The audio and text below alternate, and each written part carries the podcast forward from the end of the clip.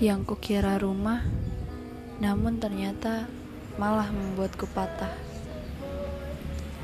Mengenalmu tanpa sengaja, mencoba berani dekat denganmu, berbagi cerita dengan segala tema kehidupan.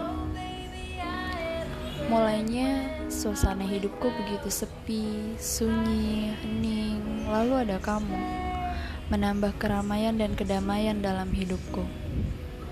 Bodohnya aku yang enggan membuka telinga dan mata atas segala kabar tentangmu yang telah memiliki sandaran hati. Setelah aku mulai memantapkan diri untuk menujumu, kamu justru bersuara dengan lantang bahwa bukan aku yang kamu butuhkan. Dan aku, aku masih enggan percaya dengan kalimat yang telah kamu ucapkan. Bodoh ya. Sampai pada akhirnya, kamu berkata bahwa kamu telah memiliki pujaan hati yang katamu jauh lebih baik daripada aku. Sial. Lagi-lagi aku kecewa. Hening, sunyi, sepi.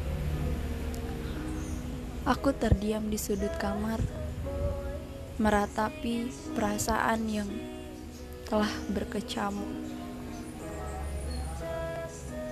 Lalu, seketika aku merasa bahwa duniaku telah berhenti berputar. Untuk menangis pun rasanya sudah tidak sanggup. Bahkan, untuk mencegahmu pergi pun, aku cukup tahu diri. Hingga pada akhirnya, dengan berat hati diiringi dengan kalimat dustaku, Kulangitkan kebahagiaanmu dengan kekasih pilihanmu.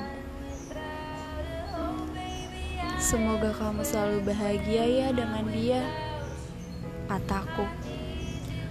Satu kalimat singkat yang mampu membuat lidahku keluh dan tenggorokanku terasa tercekat.